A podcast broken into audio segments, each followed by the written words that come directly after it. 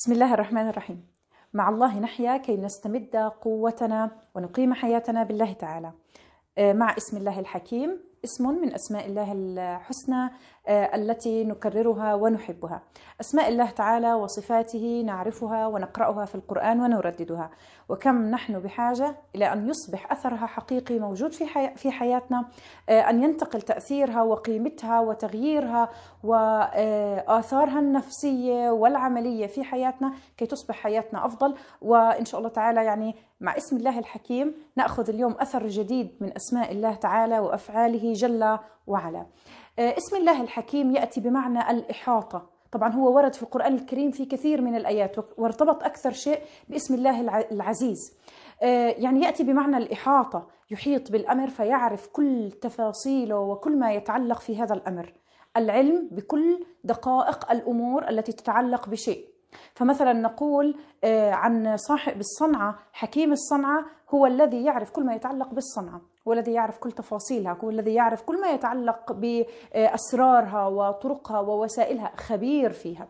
فحكيم الصنعة إذا هو المتقن لها.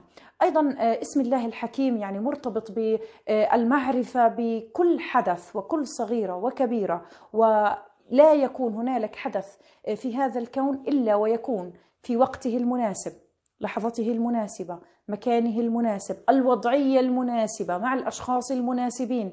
كل ما في هذا الكون يكون دقيق جدا جدا بحيث لا يمكن أن يكون أمر في هذا الكون إلا بتمام الدقة والتوقيت والأسلوب والطريقة. أيضا اسم الله الحكيم آه، مرتبط بالتناسب أيضا مع الأشخاص، مع الأحداث، مع الانسجام والاتساق بهذا الكون، مع الإحكام السلطة والسيطرة على هذا الكون، فالحكيم هو الذي يحيط بالأمور ويسيطر فيها آه، ويسيطر عليها من جميع جوانبها. أثر اسم الله الحكيم آه، في حياتنا. يعني نبدأ بأول معنى يعني نحن مطلوب منا أن ندرك هذا الاسم من خلال إدراكنا لجسدنا وخلقنا وخلق الكون من حولنا. يعني لا يوجد لا يوجد تفصيل صغير مخلوق في هذا الكون إلا وله حكمة عظيمة. ويمكن آه إنه آه بعض التفاصيل أحيانا لا ننتبه لها لا ندرك قيمتها ولكن تفكر قليل الإنسان في جسده وفي نفسه في تركيبة جسمه وفي آلاف آلاف التفاصيل التي آه، يتكلم عنها الأطباء والمكتشفون في هذا العالم. آه، قد نستغرب بأن كل تفصيل هنالك له سبب وهنالك له تأثير وهنالك له حكمة. يعني شيء عجيب في خلق الإنسان وخلق هذا الكون. آه، الله تعالى الحكيم موجود في كل هذه التفاصيل. ونرى آثار اسم الله الحكيم فيها. يعني الأذنين شكلهم الأنف العينين الشعر الوجه. مكان وجود كل عضو من أعضاء الجسم سبحان الله العظيم. يعني سبحان الله الحكيم آه، هو موجود لحكمة ولسبب وبدقة بالغة جدا آه، يعجز عن تركيبها الانسان فاسم الله الحكيم اذا نحن بحاجة للتأمل وإدراك حجم الحكمة في كل شيء موجود في أجسادنا وفي الكون من حولنا وفي المخلوقات جميعا. اسم الله الحكيم أيضا يدلنا على أنه لا يوجد حدث في هذا الكون إلا وله حكمة بالغة وهو في تمام العدل والرحمة. لا يوجد حدث إلا فيه خير مطلق للإنسان. لا يوجد حدث يأتي صدفة. لا يوجد حدث آه، مثلا لو تأخر قليل. إحنا أحيانا بنستخدم هذه الألفاظ بنقول لو إنه فقط كان قبل بيوم. لو إنه اتأخر فقط يومين. يا الله لو إنه حصل كذا. يا الله لو إنه حصل كذا. الأصل إنه الإنسان المؤمن يدرك بأنه لا يوجد حدث إلا حصل في لحظة المناسبة. بالضبط تماما. بدقة بالغة. فمثلا لو حصل معه مثلا تأخير لو حصل معه تغيير لو حصل معه مفاجآت دائما دائما اسم الله الحكيم موجود معه. لأنه يدرك أنه في هذه اللحظة لم يحصل هذا الأمر إلا لحكمة من الله تعالى. آه، أيضا يعني من اسم الله الحكيم لحتى آه، ندرك قيمة الخير الموجود في حياتنا والحكمة الموجودة في حياتنا حتى الشر الذي يحصل في حياتنا لا يوجد شر مطلق في هذا الكون ابدا. وإنما الله تعالى يوظف العنف والشر والظلم والأذى الموجود حولنا كل شيء غير جيد موجود حولنا الله تعالى يوظفه بحكمته المطلقة كي يصبح لخير في حياتنا. لذلك الأصل أنه إحنا آه، من آثار اسم الله الحكيم على حياتنا عندما يحصل شر في حياتنا نفكر في حكمة هذا الشر ونركز على الخير القادم فيه. فلا يأخذنا آه، هول الحدث أو سوء الحدث بقدر ما يكون تركيزنا على حكمة الله وعظيم تدبيره بأن هنالك شيء حتى لو لم أعرفه. يعني لا أكون طبعا مع اسم الله الحكيم الأصل انه المؤمن ما يكون متشكك باسم الله الحكيم يعيش شعور اليقيني. فأنا متيقن تماما إنه هذا الأمر لحكمة. فيقيني التام ما أقول إن شاء الله خير. يعني عسى عسى خير. وكأن يعني بقول خير وكأني غير متأكد. الأصل أن هناك شعور يقيني لدرجة أنه عند حصول الأمر السيء أنا أنتظر الأمر الجيد. يعني عند حصول الأمر السيء في حياتي وقوع ظلم وقوع أذى أنا أفكر في تلك اللحظة آه، أشعر بشيء من الألم ممكن طبيعتي الإنسانية ولكن تركيزي وتفكيري فورا يتجه لحكمة الله. أن الله تعالى أكيد فعل هذا الأمر لحكمة في اللحظة المناسبة في الدقة المناسبة. آه، لا يتحرك إنسان آه، صدفة لا تلتقي بإنسان صدفة أصلا. لا يوجد آه، مثلا إنسان يحصل معه حادث صدفة. لا يوجد إنسان مثلا يترك عمله أو يتغير شيء في رزقه أو يخسر شيء من النقود في في في أمر لا يتوقعه أو ما في مفاجآت مصادفة فقط. والأمر يعني ما بنعرف إيش بيصير.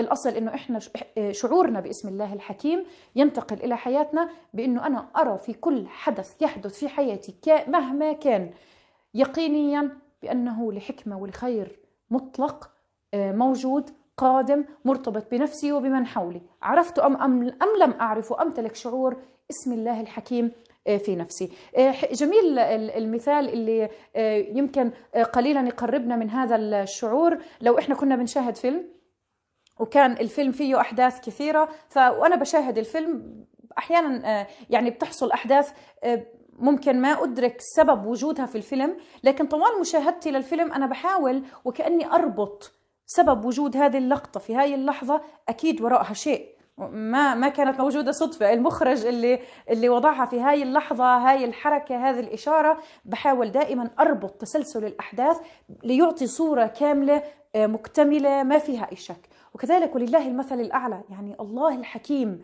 ما في شيء ولا حركة ولا سكنة ولا أي أمر في حياتنا إلا لحكمة بالغة عظيمة. الأصل أثر اسم الله الحكيم ينتقل على أنفسنا بالطمأنينة والراحة والسلام والأمان الذي يعني نحتاجه وكم نحتاجه في هذا الوقت أمان عالي. المرض لحكمة حتى المرض لحكمة الأحداث والإضطراب في العالم لحكمة هنالك ترتيبات كثيرة تجري يعلمها الله تعالى ونحن قد لا ندركها وقد لا نفهمها أيضا.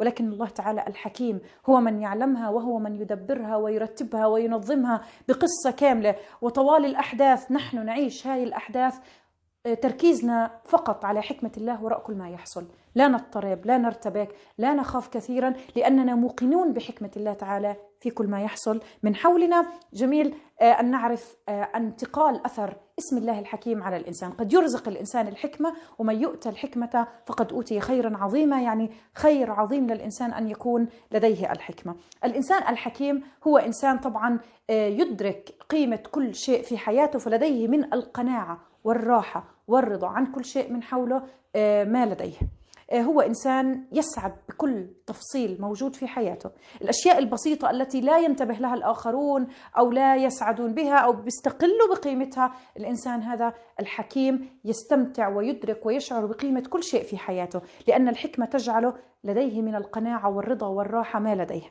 إنسان يشعر بالأمان لأنه لا يخاف من أي حدث ولا من أي مفاجآت ما دام الله الحكيم موجود في حياته. إنسان يعرف متى آه، يقرر متى يغضب متى يمنع متى يعطي متى يصفح متى يصالح متى آه، يتصرف. لديه من حكمة المواقف ما لديه ولديه من ذكاء الحياة والمواقف ما لديه لأنه يعرف كيف يلقي ويتصرف في اللحظة والمكان والأسلوب المناسب مع الأشخاص المناسبين.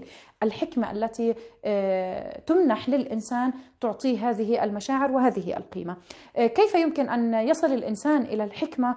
آه، الحكمة تأتي للإنسان عندما يستقيم على أمر الله تعالى ويتقي الله تعالى ويتعرف إلى الله تعالى. فكأنه يمنح هذه الحكمة التي تنير له حياته وتمنح بصيرة القلب. تماما مثل الإنسان يسير يسير في طريق موحش. آه، الطريق الموحش مليء بالمفاجآت آه، مطبات حفر آه، فيه مشاكل. ولكن هذا الإنسان يمتلك مصباح. هذا المصباح ينير له الطريق يعرف أين يتصرف ماذا يتجنب كيف يمرر هذه الطريق بأحسن حال ممكن. الإنسان الذي يمنحه الله تعالى الحكمة حاله مثل هذا حال هذا الإنسان. وكأن الله تعالى يلقي في قلبه الإلهام كي يعرف ماذا يفعل وماذا يتصرف وماذا يتكلم؟ أسأل الله تعالى أن ينتقل أثر حكمة اسم الله الحكيم على حياتنا ويرزقنا الحكمة كي نصبح أكثر طمأنينة وأكثر قوة وأكثر انطلاق وتفاؤل وراحة في حياتنا. إن شاء الله تعالى نحيا جميعا باسم الله الحكيم.